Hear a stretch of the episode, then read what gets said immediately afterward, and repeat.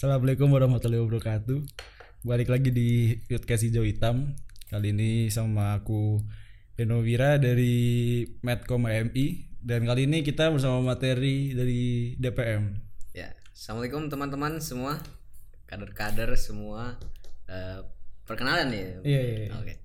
Eh, perkenalkan nama saya Muhammad Fadel eh, dari kader HMI angkatan 18 bersama Bung Hero Winanata ini. Eh, saya adalah anggota dari unit DPM. DPM. DPM. DPM. Nah, berhubung sama DPM ini cocok nih. Kali ini kita mau bahas yang namanya Islam transformatif. Oh ya. Nah, tapi sebelum jauh ke sana mungkin Bang Fadel ini bisa jelasin dulu apa sih DPM itu? DPM di HMI ya. Oh ya, oke oke. Jadi pengertiannya ya. Ah. Nah, DPM itu singkatannya dari dakwah dan pengabdian masyarakat nih. Hmm. Bukan dakwah provokasi masyarakat. Jadi nggak ada unsur provokasinya tapi dakwah dan mengabdikan masyarakat. Nah, Dari pengertian itu kita jangan menyempitkan makna dari dakwah gitu. Hmm. Karena ada yang berpikiran bahwa dakwah itu tausiah mulu eh, apa Ceramah. kayak ceramah, ustad semua yang dakwah itu harus ustad gitu. nah, Sebenarnya itu menyempitkan gitu. Mereka tuh pintar tapi nggak paham. Heeh. Hafiz 2021. Jadi konsep dari dakwah itu sebenarnya mengajarkan atau menyebarkan kebaikan. gitu. Kita memberi makanan kepada orang lain, Iya. dilihat oleh orang lain, itu termasuk dakwah. Dakwah. Kita mengajak gitu. eh, orang lain untuk berbuat kebaikan, kepada sesama. Itu ah, makna dari dakwah. Heeh. gitu. Oh, dan konsep keduanya itu pengabdian masyarakat. Hmm. Nah, pengabdian masyarakat ini sebenarnya termasuk dalam dakwah juga. Hmm. Tapi eh, da- di HMI ini jadi itu adalah fungsi eksternal gitu. Di mana HMI itu menunjukkan sumbangsihnya kepada masyarakat di luar gitu. Secara langsung. Jadi bukan secara tidak langsung tapi secara langsung. Melalui sumbangan-sumbangan, apa pengumpulan dana maupun eh, pengabdian-pengabdian kepada masyarakat-masyarakat yang tertinggal bisa dikatakan tertinggal gitu. Di desa-desa. Sebagaimana kita kan punya desa binaan gitu, desa mitra, desa mitra HMI. Nah, di sana itu kita memfokuskan diri untuk mengabdikan eh, HMI kepada masyarakat supaya lebih berkembang desa itu bisa memajukan dirinya sendiri. Ah. Itu Mas Eno. Kayak contohnya itu ya salah satu yang bermitra sama itu yang di apa? Di Desa Kulon Progo. Duren Sawit di Kulon Progo. Kulon Progo. Itu kita udah bermitra dari tahun berapa ya? 2016 kali ya? 2016. Jadi sekarang itu termasuk tahun kelima Kelima kita. ya. betul. itu nah itu nanti di sana kayak ngajar TPA TPA di sana ya dan tahun ini kalau nggak salah ini ya berfokus ke pendidikan ya Ya. beda dari tahun-tahun sebelumnya kan Ya betul. Soalnya urgensinya itu kan saat pandemi COVID-19 ini Hmm. banyak sekali adik-adik cilik kita di sana itu kawan-kawan kita di sana tidak bisa mengikuti pelajaran sebagaimana mestinya gitu. Mau nggak pandemi aja udah rada susah kan Hmm. Ah, ah. di desa kayak gitu, apalagi saat ini pandemi gitu. Iya. Dikasih tugas tiba-tiba tugas bahasa Inggris atau tugas matematika? Susah tuh. Susah kan. Mau minta ke orang tua bisa aja kan ada yang bisa. tidak mampu gitu. Nah makanya kita berusaha untuk eh, me- menyambung lah pendidikan mereka itu jangan sampai terputus gitu. Begitu. Berarti di garis bawah lagi nggak selalu tentang Islami ya? Betul. Nggak selalu tentang ya tadi khotbah ceramah betul tapi betul. hal-hal yang bisa memajukan apa? Karakter betul. sebuah pemuda mungkin ya ya karakter dari insan, insan manusia Ah, ah, ah, ah. betul Berarti dari dakwah yang dilakukan oleh DPM ini ada hubungan nih, ada hubungannya nih sama yang namanya Islam transformatif. Bener ya nggak? ya betul sekali Nah, itu bisa jelasin nggak sih apa hubungannya? Nah, sebelum sampai hubungannya jelasin dulu Islam transformatif itu apa? apa itu Islam transformatif Ah. ya jadi eh, kawan-kawan Islam transformatif itu adalah sebuah paradigma Hmm. Nah, paradigma yang dikembangkan oleh imam kita saat ini, Hmm. Imam Rama Kurniawan, di mana kita ini tidak ingin menjadi sebuah eh, dogmatik saja, sebuah Islam yang munculnya itu hanya di angan-angan, gitu. Hmm. nggak ada impactnya ke masyarakat secara langsung gitu. Hmm. Jadi bukan Islam yang mengatakan bahwa ini haram atau ini halal karena itu bukanlah tugas kita gitu. Itu sudah di diterapkan di dalam nas gitu. Nah. Tugas kita itu adalah bagaimana kita bisa membangun sebuah tatanan masyarakat yang madani gitu. Hmm. Nah, itu adalah tujuan dari Islam transformatif yang dikembangkan oleh imam. Ah. Jadi pada hakikatnya Islam transformatif itu adalah sebuah cara berpikir di mana kita menggunakan nilai-nilai Islam untuk mentransformasikan atau mengubah masyarakat dari yang tadinya jahiliyah sebagaimana yang dilakukan oleh Nabi Muhammad menjadi masyarakat yang berkembang, menjadi masyarakat yang maju, yang madani gitu. Makanya disebut untuk me- menciptakan tatanan masyarakat madani ya, itu. Hakikatnya di sana, Mas. Hakikatnya di sana ya. Nah, terus berarti eh untuk penerapannya nih di hubungannya nih, kenapa menerapkannya apa sama masa sekarang itu apa?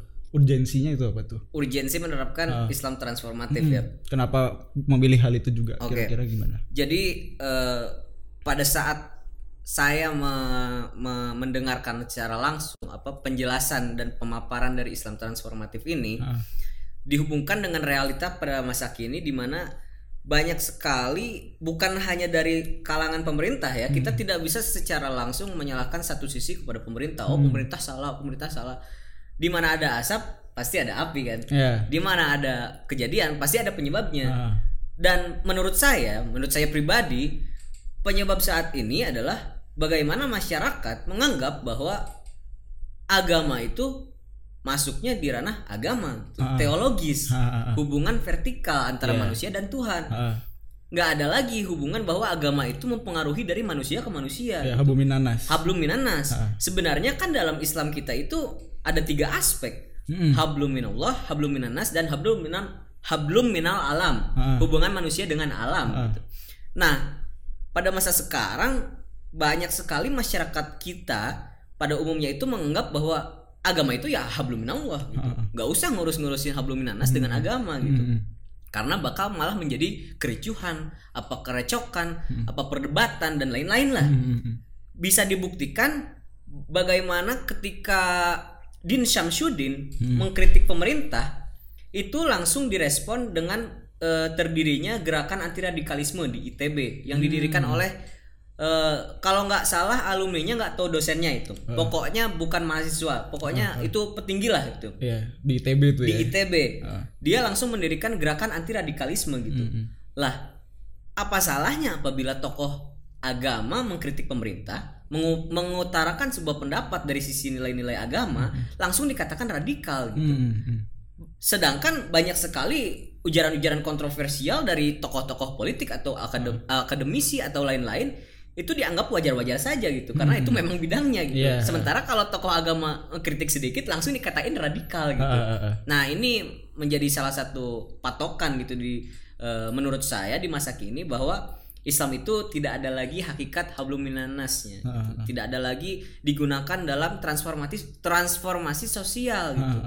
Eh, nah, di sinilah Islam transformatif ini berusaha mengupayakan bahwa Islam itu diterima secara kafah. Mm-mm. Kafah itu ar- artinya menyeluruh gitu. Jadi kita jangan takut untuk me- me- mengaplikasikan nilai-nilai Islam secara utuh gitu. Karena bukan terorisme yang diajarkan oleh Islam Ah, itu, bukan iya, menyebarkan ketakutan gitu Mas Ken. Jadi eh, kita perlu bedakan lah eh, apa itu agama dan apa itu pengaplikasian agama oleh orang-orang oknum-oknum Iya, gitu ya iya. bisa dibilang ya. Kan pemahaman itu berbeda-beda tiap manusia kan. Nah, janganlah kita mengeneralisir bahwa karena ada satu tindakan yang tidak bertanggung jawab, semuanya itu jelek gitu. Ya, ya. Setitik nila di air, kolam sekolah pun tercemari gitu. Ya. Apa apalagi. Iya. Saya juga nggak tahu itu tuh. Ya, ya. ya, gitu eh. Nah, terus eh, apakah permasalahan yang tadi AA bilang nih Mm-mm. itu berdasar kepada masih banyaknya orang itu mengartikan agama secara kontekstual aja. Ah, Ah, itu Iya. menarik tuh. Betul. Jadi eh, dalam kaidah Islam dan paradigma Islam transformatif itu me- me- mengedepankan kontekstualisasi dari literatur-literatur agama. gitu. Apa maksudnya kontekstualisasi? Jadi ditelaah dari sisi konteks, konteks keadaan, kontekstual dan pemaknaan gitu. Karena dalam bukunya eh, Muhammad Abdurrahman, Abdurrahman, penggagas Islam transformatif eh, yang salah satu cendekiawan Betul, muslim besar betul. di Indonesia ya. dia itu me- me- menerapkan bahwa salah satu fak- faktor-faktor terbentuknya Islam transformatif adalah apabila pertama itu ter- terjadi hermeneutika Hmm. Al-Qur'an. Ya. Maksud dari hermeneutika itu pemaknaan dari sisi secara radikal. Hmm. Maksud radikal di sini itu mengakar kan? Iya mengakar. Mengakar. Kan Jadi masih banyak orang menyalahartikan itu kan. Iya, radikal langsung teroris gitu, Iya. ekstremis. Sebenarnya kan nggak gitu. Nah, jadi maksud radikal di sini itu secara mendalam, Hmm. mengakar di mana da- ketika kita membaca sebuah ayat Al-Qur'an Hmm. yang di dalamnya berisi eh, petunjuk-petunjuk dan arahan-arahan, Hmm. kita itu tidak langsung memaknai secara harfiah gitu, Hmm. secara literally gitu. literally which is gitu. Jaksel deh. Iya. Jadi nggak langsung eh, oh Islam ngajarin untuk gebuk wanita nih. Misalnya yang di ayat berapa Hmm. Anissa itu? ayat, ayat 34. Ah, Ah, itu banyak benar. tuh yang menyalahartikan itu tuh. Nah, iya, Anisa ayat 34 di mana ada eh, apa? perbolehan ya Ah, untuk eh, suami ya, suami yang apa untuk memukul wanita wanita ya, istrinya ya. istrinya. Jadi kalau itu dia- diartikan secara tekstual, Hmm. secara harafiah gitu, maka tentu saja pasti akan terjadi patronisasi Ya. dan eh, apa kegiatan-kegiatan yang kekerasan gitu terhadap wanita gitu. Salah dikit pukul. Betul. pukul. Sebenarnya kan apabila dimaknai secara eh, kontekstual, Ah, kita juga harus memaknai bagaimana Nabi menerjemahkan, mentranslate ayat tersebut Iya. gitu. Atau minimal para ulama lah. ya. Nah, para ulama lah, soalnya kan kita tidak hidup di masa Tidak Nabi, gitu. Jadi harus eh, apa ber bertingkat gitu belajarnya itu ke ulama gitu, ke ulama-ulama bahwa sebenarnya di asbabun nuzulnya di apa eh, keterangan ayat tersebut jadi wanita itu eh, ada tahapan-tahapan gitu. Hmm. Ketika seorang suami me- misalnya istrinya itu tidak menjalankan syariat agama, atau membangkang, atau apalah itu Intinya yang semua terlewat batas lah ya. betul.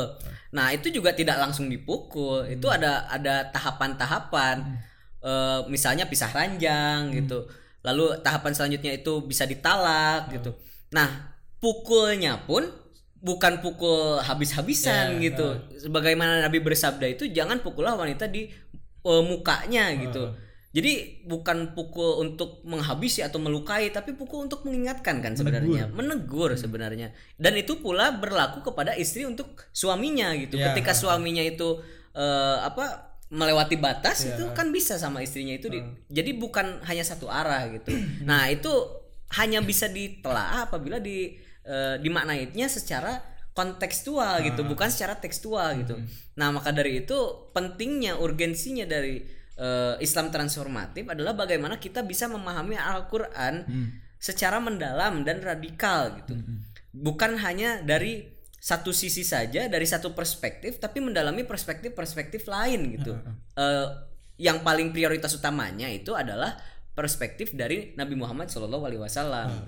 Begitu sih, Mas. Intinya memaknai lah ya, memaknai secara seutuhnya gitu. Betul, memaknai secara kafah, secara seutuhnya. Karena dilematika sekarang juga eh, banyak orang tuh sebenarnya hafal, Ya, hafal isi Al-Qur'an tapi nggak paham sama isi Al-Qur'an. ya betul. Nah, itu tuh salah satu dilema apa? Dilemanya lah. I- Ironisme ya. Ironismenya sama kayak tadi yang AA bilang kayak Haf- Pak Hafiz yang pernah bilang kan. Ya, pintar, Pintar tapi nggak paham. Iya, Itu efeknya. Betul. Nah, mungkin bisa dicontohin satu lagi ya. Mungkin kan tadi soal perempuan di surat Anisa agak terlalu dalam ya. Hmm. Nah, mungkin bisa dicontohin juga ini ah sama kayak sodakoh nggak sih? Eh apa? Sedekah ya? Zakat. Zakat, nah, zakat, zakat. Iya nggak Ya. sih? Sama nggak sih gitu? Ya, betul. Jadi Makanya kan yang agak lebih gampang ah, diterima ah, nih ah, sama lebih nih. gampang dinalar ya. Mm. Jadi kalau misalnya kita eh, contohkan ibadah zakat gitu, kewajiban yang wajib gitu zakat itu. Apabila di eh, apa kita tra- translate secara tekstual gitu, berarti zakat itu dilihat dari penyerahan gandum gitu, penyerahan barangnya gitu. Mm.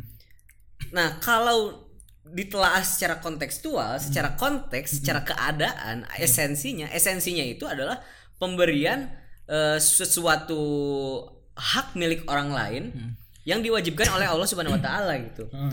Nah, itu bukan barangnya yang penting itu, tapi pemberiannya itu gitu. Eh, esensinya itu pemberian. Makanya dari situ berkembanglah kias, metode metode ijtihad yang bernama kias di mana sebenarnya zakat itu tidak gandum saja gitu, tapi bisa juga diganti dengan makanan-makanan pokok gitu. Nah, itu kan adalah salah satu manfaat dari Islam transformatif gitu, dari hermeneutika. Kalau kalau misalnya sampai sekarang itu tidak dipakai metode itu, bisa saja di Indonesia zakatnya kita pakai gandum, gitu. Padahal kita kan Susah gandum. jarang-jarang juga pakai gandum gitu.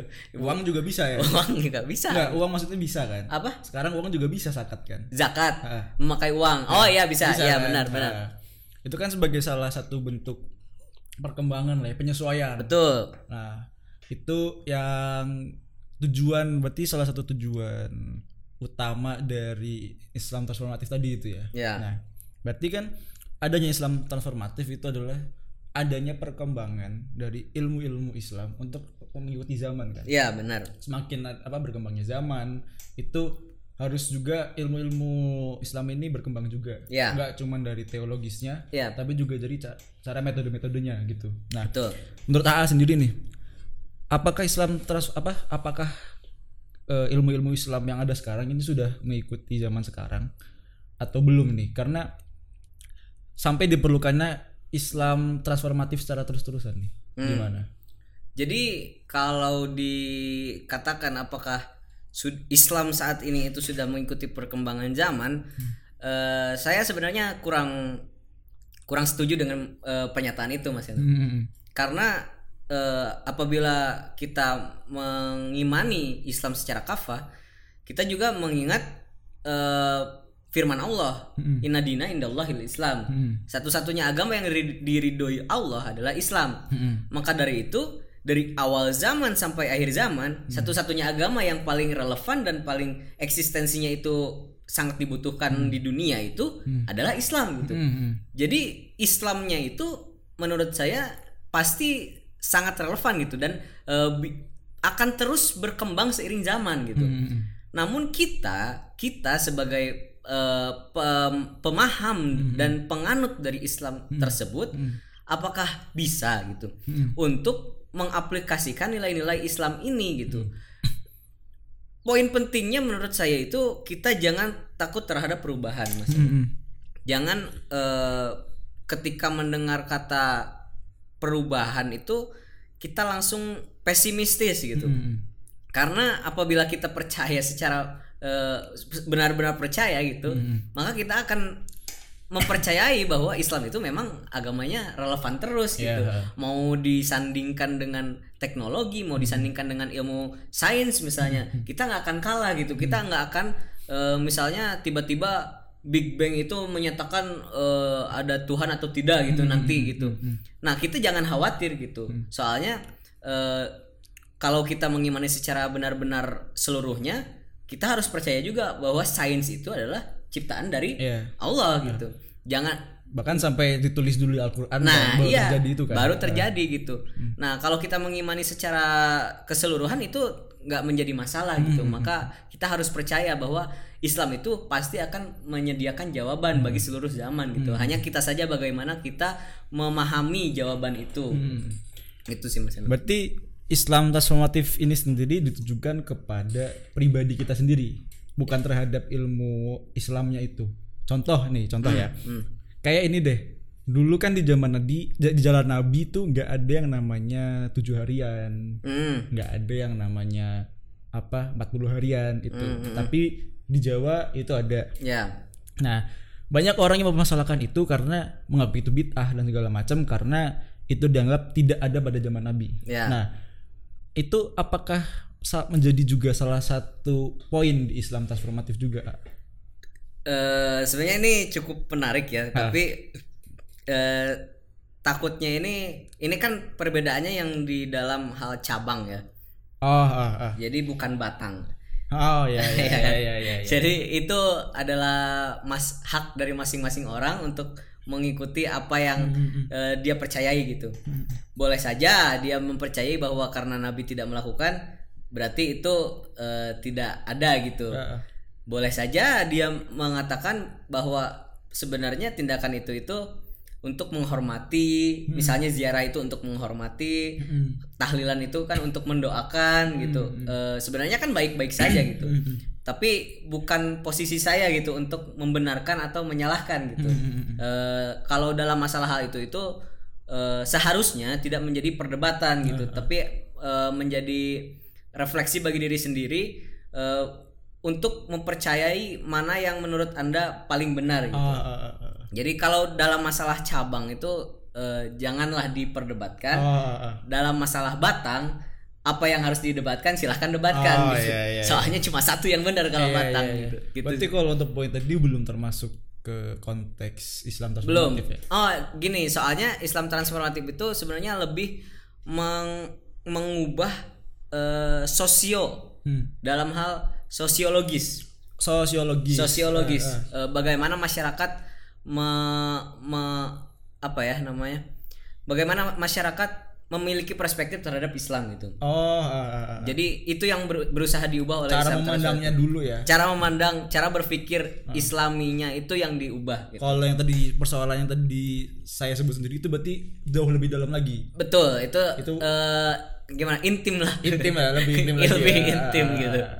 Hmm, berarti ini bisa jadi insight juga buat para pendengar ya. Maksudnya berarti Islam transformatif balik lagi bagaimana cara seseorang untuk memandang Ya. agama Islam itu sendiri. betul Uh, bagaimana cara dia agar untuk bersosialisasi, Iya. untuk berhubungan dengan manusia. betul ya Berarti kalau urusan untuk lebih intim lagi tadi itu agak berbeda lagi. agak ya? berbeda lagi Ah. itu silahkan eh, hubungi ulama-ulama terdekat Ya, anda mm-mm. Berarti ini penting nih Islam transformatif untuk bagi orang-orang yang mungkin baru belajar ya agama ya untuk lebih memulai mengenal agama lagi, Betul. memperdalam agama lagi. Berarti bener ya ayah untuk untuk untuk hal, -hal tersebut ya. menurut saya ya misalnya eh, Islam transformatif itu bisa dikatakan teori pragmatis Bung Heno Eh, kalau kita misalnya belajar mobil Hah. teori doang Iya, nggak dipakai Nggak pernah pakai kan pas kita pakai itu gimana gitu Eh, kagok lah ya. kagok lah Eh. nggak berguna lah bisa dikatakan itu mobil nggak akan berguna sampai dia eh, belajar prakteknya gitu Mm, mm, mm. Islam transformatif menurut saya itu adalah prakteknya gitu. Setelah teori teologisnya kita me- me- mendalami keimanan misalnya antara hablum minanas dan hablum minallah, kita juga mengaplikasikannya mengaplika, mengaplikasikan teori tersebut di dalam hablum minanas gitu. Di dalam hubungan kita dengan manusia manusia lain gitu. Nah, di situlah eh, apa? Di situlah peran dari Islam transformatif itu bagaimana di zaman dahulu saja eh, zaman zaman kegelapan Islam bisa disebut itu kenapa karena orang-orang Islam itu hanya ber- berpegang teguh kepada apa yang sudah ada gitu Mm. Eh, Al-Quran dan hadis tapi tidak ditelaah lebih lanjut gitu Mm. berarti kan itu konservatif ya termasuk Konservatif. mereka hanya me- memegang teguh memegang teguh tradisi dan eh, nilai-nilai yang sudah ada tanpa menggali lebih lanjut nilai-nilai tersebut Mm, mm. itu disebut zaman kegelapan Islam itu Mm. Kenapa? Karena banyak sekali eh, negara-negara Islam pada saat itu malah terjajah oleh negara lain gitu. Ya. Terkikis budayanya, te- terintimidasi. Banyak sekali permasalahan pada saat itu. Nah, dengan gagasan eh, untuk kembali kepada Al-Qur'an dan hadis dan me- me- me- apa mengkaji kaidah-kaidahnya lebih lanjut, Islam akhirnya bisa terbebas. Islam akhirnya bisa menemukan fondasinya kembali Iya, gitu. iya. Nah, itu adalah eh, salah satu salah satu nilai dari Islam transformatif yang perlu kita eh, aplikasikan sekarang juga. Ah. Nah, untuk eh, Islam transformatif di sekarang ini nih, ah, apakah Islam transformatif yang ada sekarang itu sudah tepat atau efektif gitu menurut A? Apakah ada cara-cara atau mungkin ini nih dari kiat-kiat DPM atau HMI sendiri itu bagaimana sih kira-kira gitu Hmm, untuk mengembangkan apa untuk me- mengaplikasikan ah, mengaplikasikan Islam, transformatif, itu. ini ya. Eh, menurut saya sih eh, prinsipnya itu simple. Islam transformatif itu eh, bagaimana kita memanusiakan manusia gitu. Hmm. Sama seperti Islam profetik gitu. Hmm. Karena Islam transformatif ini adalah teori turunannya Nabi Muhammad gitu. Hmm. Ketika Nabi Muhammad me- mengubah orang yang jahiliyah menjadi orang yang madani gitu. Hmm.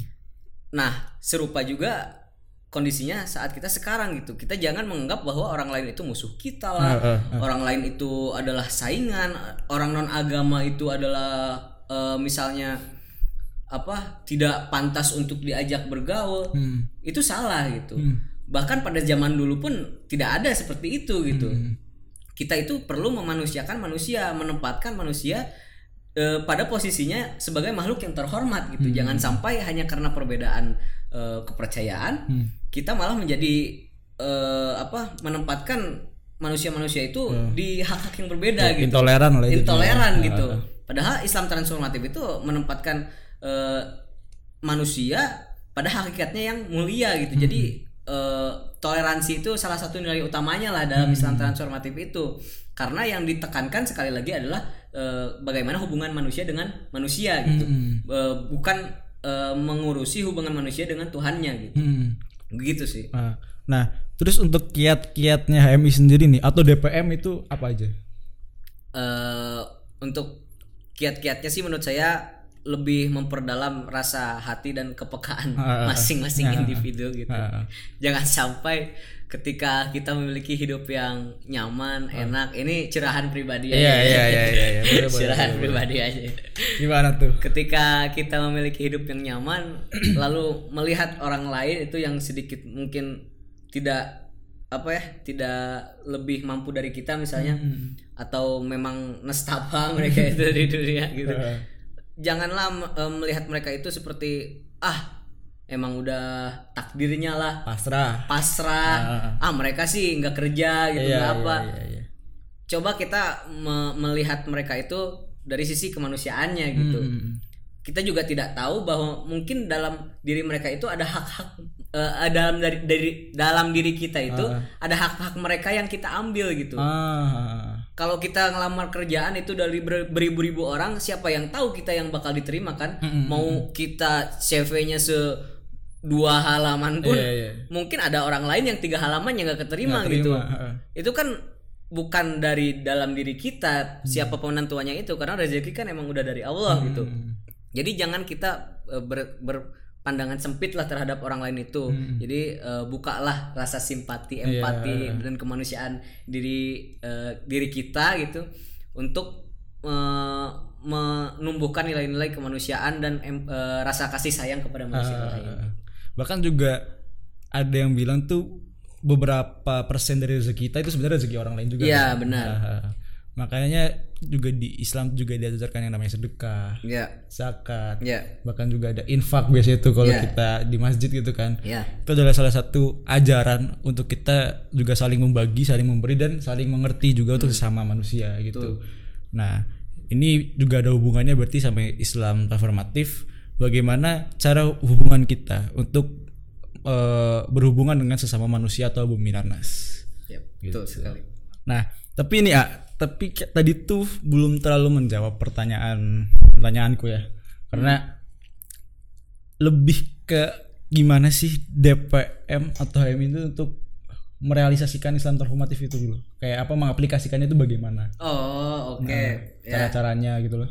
Jadi eh, karena DPM itu punya dua fungsi kan, Hmm. in- eh, internal dan eksternal. Dalam fungsi internalnya itu kita merubah eh, paradigma kadar dulu, Hmm. Eh, mengubah, eh, mengajarkan paradigma Islam transformatif. Hmm. Bagaimana cara kita menggunakan nilai-nilai Islam Hmm. untuk mengubah tatanan masyarakat, untuk mengubah persepsi masyarakat eh, menjadi yang upayanya itu untuk mewujudkan sebuah tatanan masyarakat madani itu di fungsi internalnya untuk para kader dan di fungsi eksternalnya itu kita lebih meraih kepada masyarakat masyarakat gitu. Hmm. Jadi eh, misalnya di tadi yang di desa, Desa tersebut dan sawit tadi. desa Duren Sawit itu Ah. kita meraih eh, kita terjun kepada anak-anak yang memang Membutuhkan. sangat membutuhkan pertolongan gitu Hmm. eh, untuk apa pendidikan mereka gitu yang terputus gitu Hmm. apalagi di desa yang memang terbelakang itu Hmm. bisa dikatakan terbelakang mohon maaf ya kalau Ya, ada sih. Apalagi kalau kalau kita tahu sejarah desa itu sendiri ya, nah itu betul panjang lagi tuh. ya itu silahkan datang aja ke Nah. desa Duren Sawit Kalau DPM lagi kunjungan ke sana ikut deh. ya betul betul jadi gitulah eh, kita lebih mementingkan hubungan kemanusiaan eh, dan sosiologisnya gitu Berarti untuk sementara ini untuk fokus tadi pengabdiannya untuk anak-anak dulu ya fokusnya ya. untuk anak-anak di Untuk desa sementara ya. dulu. ya Mungkin betul ke depannya bisa lebih lagi gitu ya. insya Allah insya Allah Jadi itu ya tadi ya. Itu dua kan tadi kan. eh Udah, udah, udah kelar udah, tadi? udah, udah. Nah. Nah, terus berarti sekarang udah ini ya udah terbahas semua berarti cukup lah sebenarnya untuk membahas Islam transformatif. ya benar Nah, kebetulan juga kita udah di ujung nih. ya Kalau kelawan nanti tambah ngalor ngidul nih kita nih. kayaknya kader-kader nanti jadi males Ya. Nah, mungkin kayaknya untuk untuk waktu segini cukup lah ya. cukup lah Nah, berarti menemani tidur kan sembari ngisi-ngisi ASMR AS- mengisi jiwa yang kosong. mengisi jiwa yang kosong gitu.